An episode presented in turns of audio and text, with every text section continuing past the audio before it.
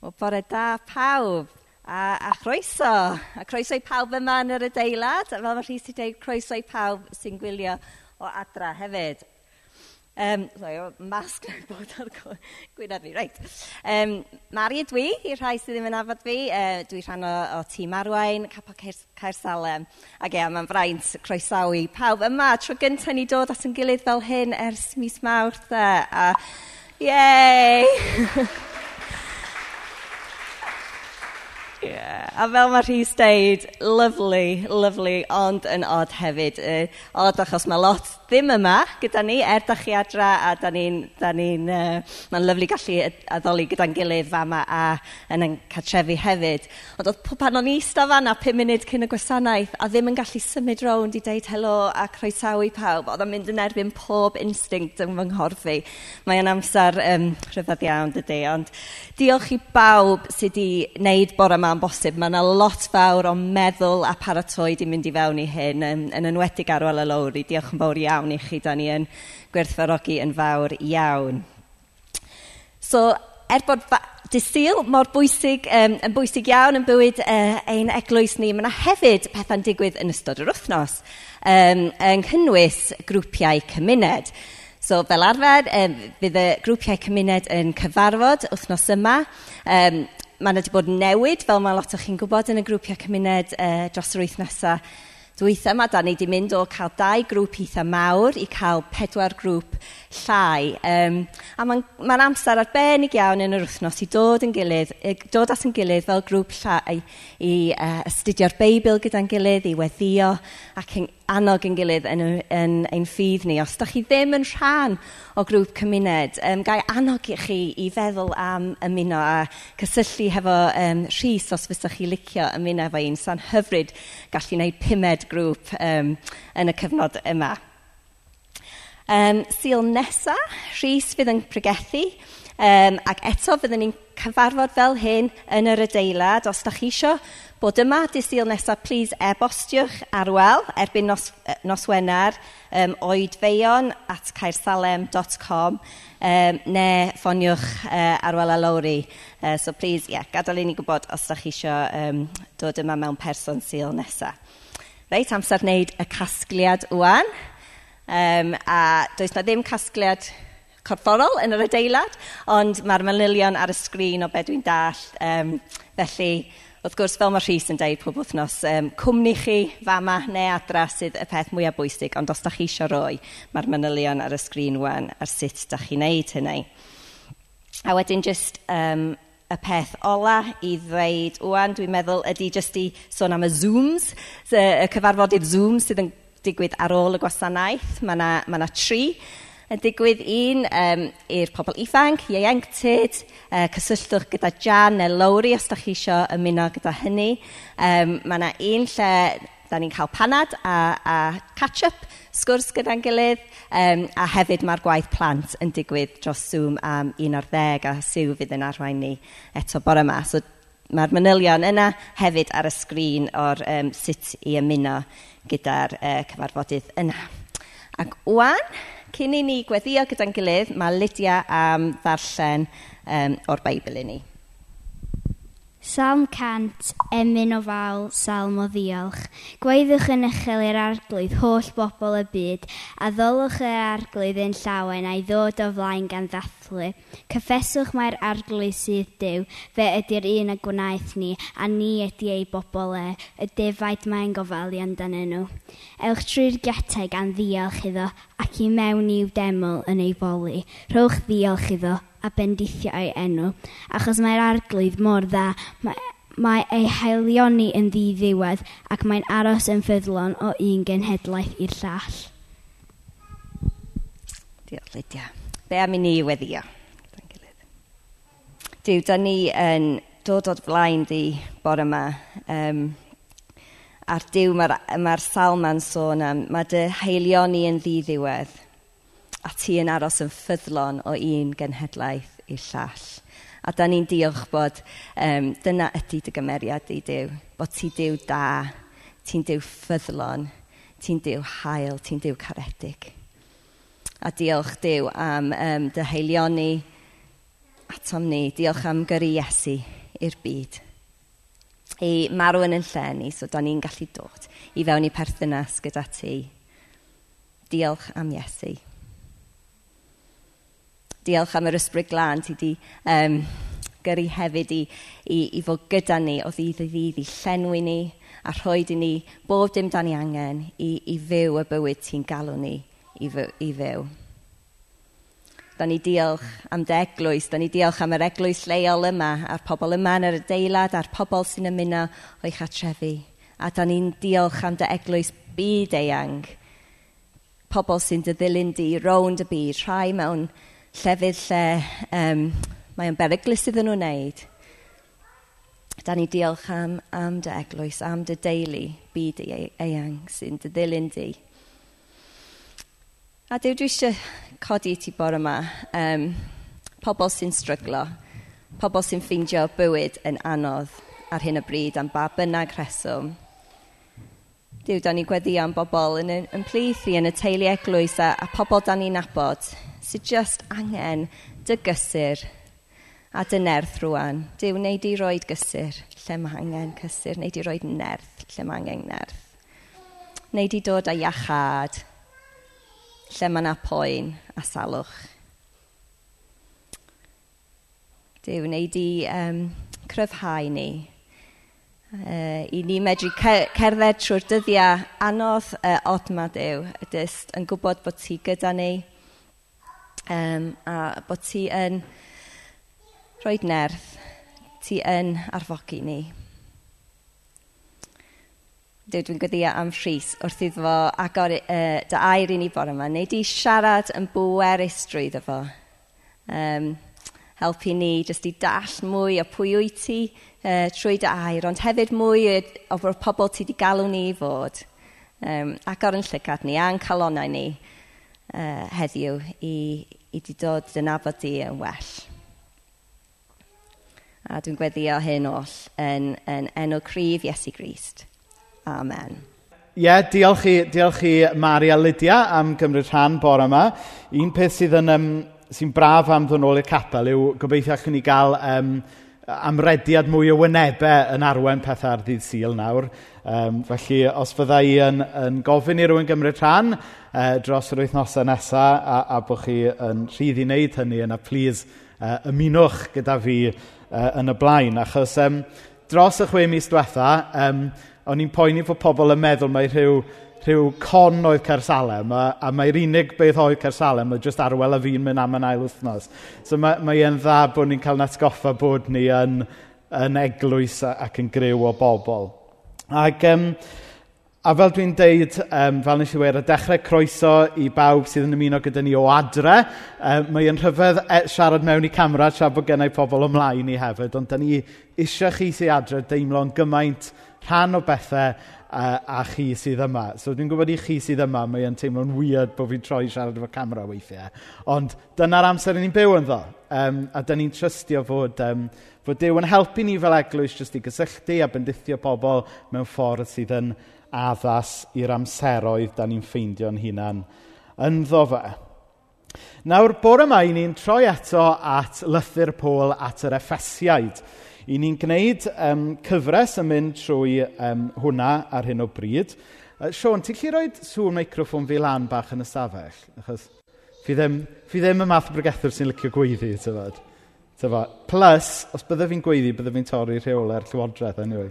So, um, ta beth. Um, so mae'r darlleniad bore yma yn dod o Ffesiaid 2, os gawn ni fe lan ar y sgrin. Um, Effesiau 2 adnod 11 uh, ymlaen. Mae'n dda, gweithio bod neb yn sgwimish, mae'n dda i chi gofio eich bod chi sydd o genhedloedd eraill yn arfer bod ar y tu allan. Y di enweidiad oeddech chi'n cael eich galw gan bobl yr enweidiad. Sef yr eddewon sy'n cadw'r ddefod o dorri'r blaengroen ar fachgen i ddangos eu bod nhw'n perthyn i ddew. Cofiwch eich bod chi bryd hynny yn gwybod dim am y Meseia. Doeddech chi ddim yn perthyn i bobl ddew, nac yn gwybod dim am yr addewid a'r ymrwymiad wnaeth Dyw. Roeddech chi'n byw yn y byd, heb unrhyw obaith a heb berthynas gyda Dyw. Ond bellach, dych chi wedi cael eich uno gyda'r Meseia Iesu. Dych chi oedd mor bell i ffwrdd ar un adeg wedi cael dod i berthyn – A hynny am fod y Meseia wedi gweidi a marw ar y groes. So, i ni'n cofio bod hwn yn lythyr gath ei sgwennu gan Paul. Oedd Paul yn rhywun oedd wedi cael profiad byw a real iawn o Iesu Grist oedd yn ei garu fe. A wedyn gath ei alw gan ddew i rannu'r newyddion da yma efo pobl.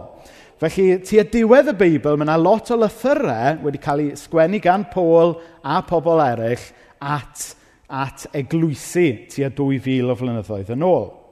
A mi oedd y llythyr yma yn lythyr gath ei sgwennu at bobl oedd yn byw yn Ephasus, a mae hwnna yn ddinas heddi yng ngorllewin Twrci.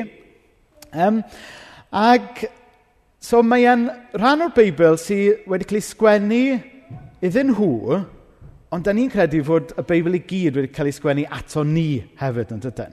Felly, da ni'n cyfarfod gyda'n gilydd bore yma yn credu bod Dyw yn gallu siarad efo ni bore yma.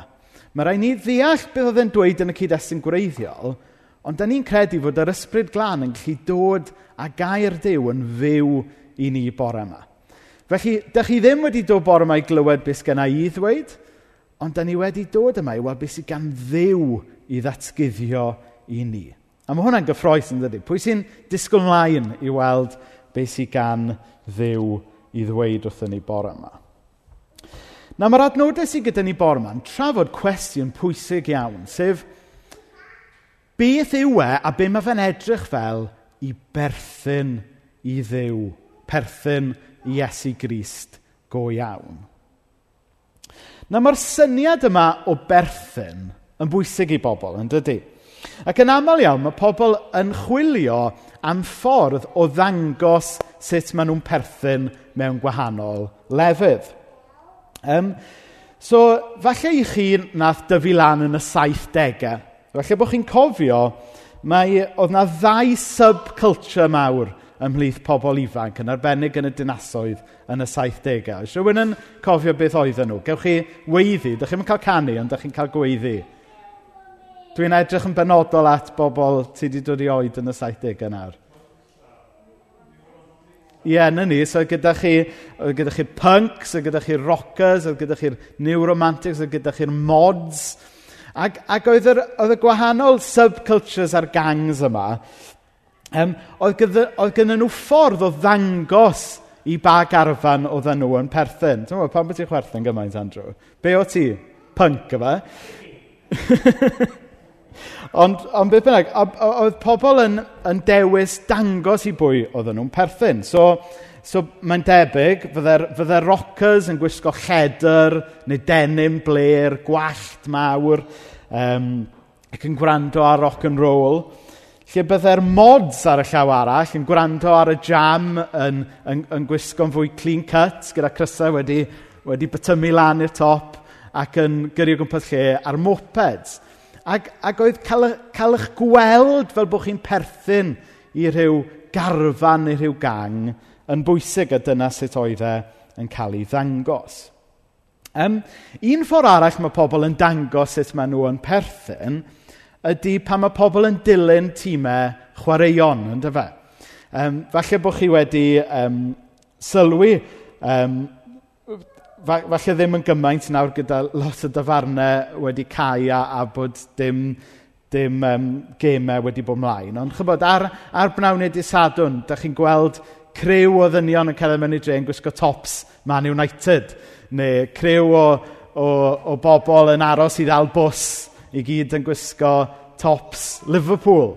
A, a pobl yn, yn dewis dangos pwy maen nhw'n cefnogi ac i pa garfan maen nhw yn dangos. Ac mae yna stori um, doniol iawn am teulu um, y Pritchards yn Llanberis. Uh, lot o'n chi'n adnabod uh, John Pritchard, sy'n weinidog yn Llanberis. Um, a mae yna stori hilarious am, am Aled y mab Ifanca yn cyrraedd adre o ysgol un diwrnod a cyhoeddi bod e'n cefnogi Evertonwyr. A wedyn John yn taflu fe syth mewn y car gyrru Fangor a prynu top man newydd iddo fe.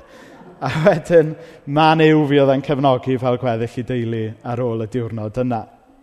Ac, um, ac, ac mae e'n ddiddorol yn dydi, sut mae pobl yn dewis dangos le maen nhw'n perthyn neu ba traib neu, neu bwy maen nhw'n perthyn. Ac, Ac yn dris iawn, yn y byd modern, mae, mae cwmnïau um, cyfalafol a masnachol yn gwybod pa mor gryf ydy'r syniad yma bod pobl eisiau label, eisiau brand i berthyn iddo fe. Nawr, rheswm dwi wedi dechrau efo'r enghreifftiau yna yw bod hwn yn helpu ni ddechrau deall be mae'r adnodau agoriadol sydd gyda ni heddiw yn sôn amdano. Achos oedd gan yr iddewon rhyw fath o arwydd allanol o pwy oedd yn pobl ddew a pwy oedd yn perthyn i ddew. Na i ddim mynd mewn i'r manylion, dim ond i ddweud bod cyfeithiad Beibl.net yn ei job reit dda o spelio allan beth oedd y ddefod ryfedd yma. So, i ni'n darllen eto'n adnod 11. Mae'n dda i chi gofio eich bod chi sydd y genhedloedd eraill yn arfer bod ar y tu allan. Y dienweidiad oeddech chi'n cael eich galw gan bobl yr enweidiad. Sef yr addewon sy'n cadw ddefod y dorri blaengroen a'r fachgen i ddangos eu bod nhw'n perthyn i ddew. So, i'r iddewon yn y cyfnod yma, oedd y macr o fod yn bobl ddew oedd y ddefod ryfedd yma. Na mae hwnna'n mynd yn ni ymlaen wedyn i ofyn, beth yw'r marcer heddiw o fod yn bobl ddiw? Oes yna marcer allanol i fod yn un o bobl ddiw he heddiw. Nawr, yn anffodus, mae yna rhyw syniad o gwmpas mewn cymdeithas fod bod yn gristion ddim o'r wahanol â hynny beth oedd e i fod yn iddew yn yr amser yma. Hynny yw, i chi fod yn gristion ac i fod yn un o bobl ddew, bod rhaid i chi rhyw fath o keeping up appearances parchus. Mae dyna beth mae fe'n edrych fel i fod yn pobl ddew. Bod, bod chi'n bobl sy'n gwisgo Chris Mart ar ddydd syl. Bod gyda chi ddillad dydd syl. Um, bod chi falle'n berson sych ddiwiol. Bod chi'n blant capel neu plant ysgol syl, a pan o'n i'n tyfu lan a mynd i'r capel tair gwaith y syl, neu pan o oedran mam gi yn mynd i'r capel peder gwaith y syl. A mae, tywa, yr, y peth ar y tu allan yma oedd y marcer o bo chi yn berson dew. Mae rhyw syniad mae pobl fawr ydy pobl ddiw. Pobl sydd falle'n yn gwrthwynebu popeth, yn twtwtio ac edrych lawr ar bobl eraill. Yn anffodus, mae yna rhyw ddelwedd mewn cymdeithas. Mae dyna ydy pobl ddiw. Mae dyna ydy um, Cresnogaeth a Cresnogion, yr arwyddion allanol yma. Nawr, cyn i fi symud ymlaen i ddweud bod hwnna'n anghywir, i ddechrau, dwi'n meddwl bod angen i ni fel eglwys ac i ni fel Cresnogion ddysgu gwersi a cydnabod fod yna rhywfaint o wirionedd yn hynna.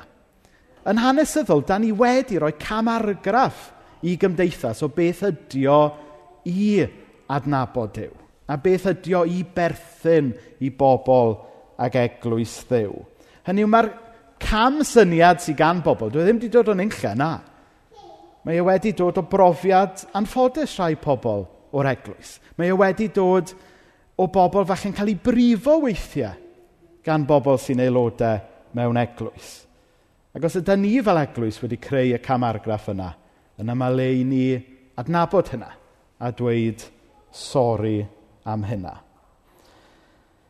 Achos yn anffodus, mae lot o'n cyd Gymru ni yn does efo blas cas yn ei ceg am grisnogaeth. Oherwydd bod na orbwyslais wedi bod yn y gorffennol ar yr allanolion ynglyn â sut mae pethau yn edrych. A mae angen ni ddod nôl at be mae'r Beibl yn dysgu.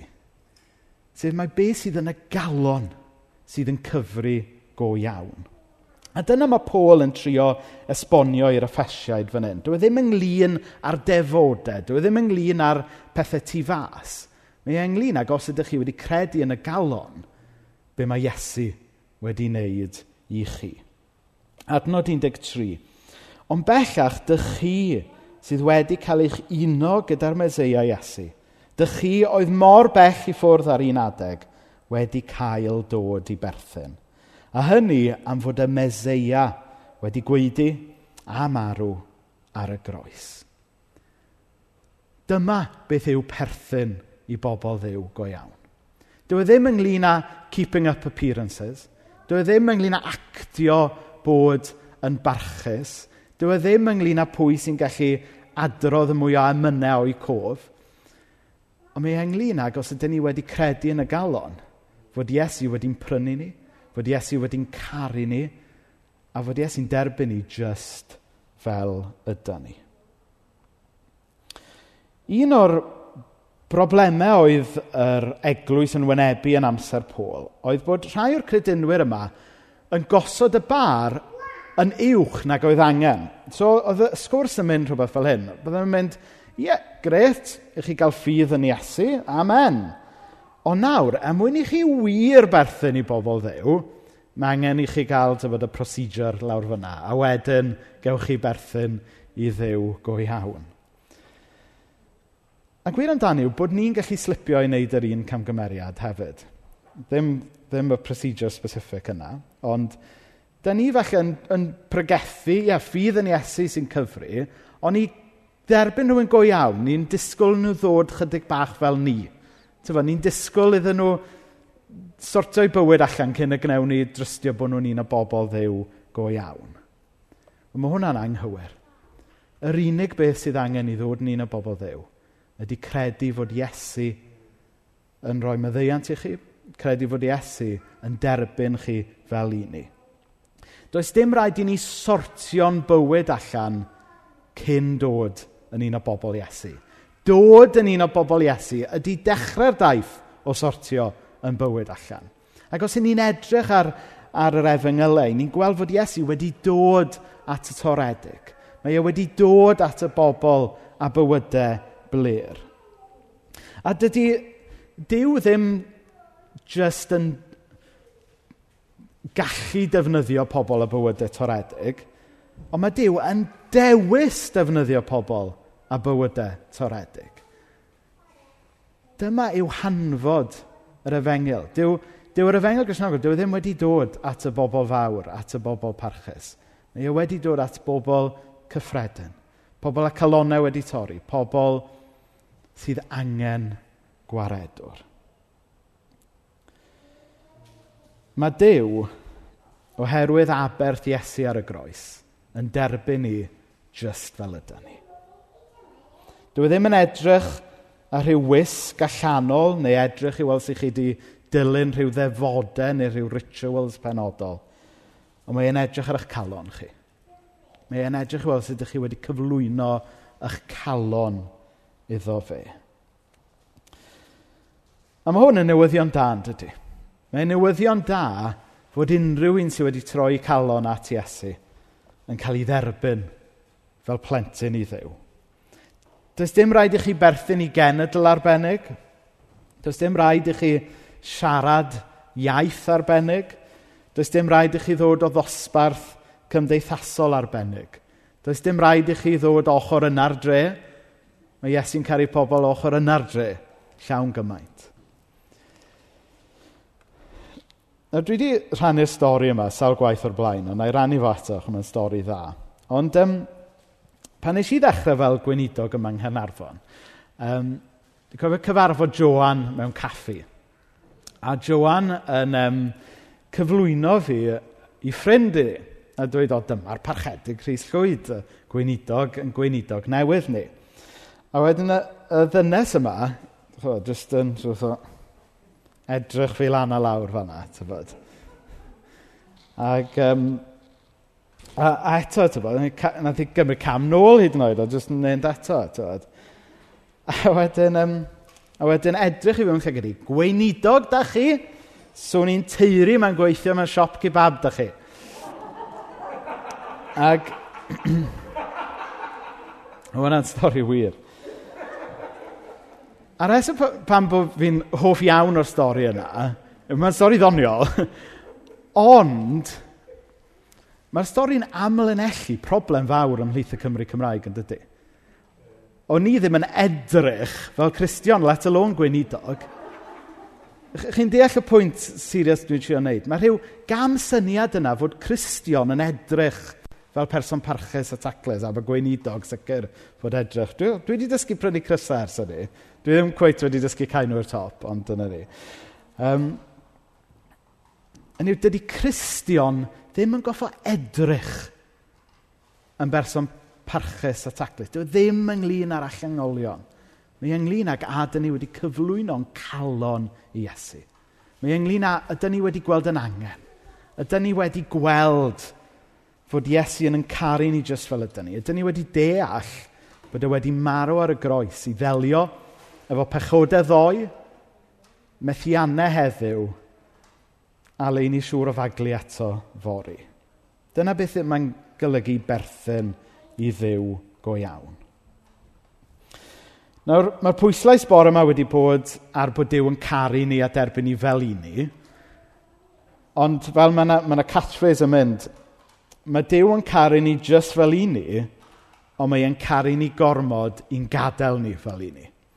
Ac wrthos nesaf, byddwn ni'n mynd mlaen i edrych ar hynny. Mae Dyw yn derbyn ni just fel i ni. Ond mae'n caru ni ormod i'n gadael ni fel ni. Mae eisiau gwneud pobl newydd ohono ni. Mae eisiau gwneud dynoliaeth newydd ohono ni. A byddwn ni'n mynd mlaen i edrych ar hwnna wythnos nesaf. Gawn ni blygu pen mewn gweddi.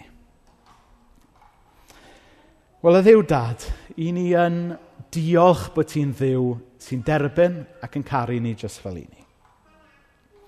Os oes rhywun yma bore yma neu yn gwylio o adre o ddiw dad, sy am ba bynnag reswm wedi cael rhywun yn dweud wrthyn nhw bod nhw ddim digon da. Wel, y ddiw dad, ni'n gofyn i ti weithio yng nghalon y person yna. Ac ni'n gofyn i Iesu Grist i hun, sibrwd mewn i fywyd y person yna bore yma. Dy fod ti yn ei derbyn nhw, achos bod ti yn ei caru nhw ac wedi prynu heddwch iddyn nhw ar y groes.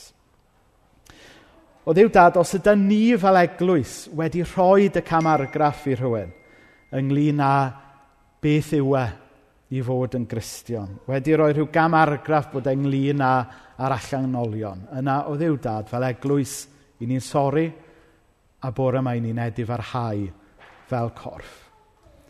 O ddiw dad, da ni eisiau pobl weld Iesu. Yr Iesu sydd ddim yn unig yn derbyn y toredig o galon, ond yn dewis defnyddio y toredig yng ngwaith y deyrnas. O ddiw dad, i ni'n gofyn hyn yn enw Iesu Grist. Amen.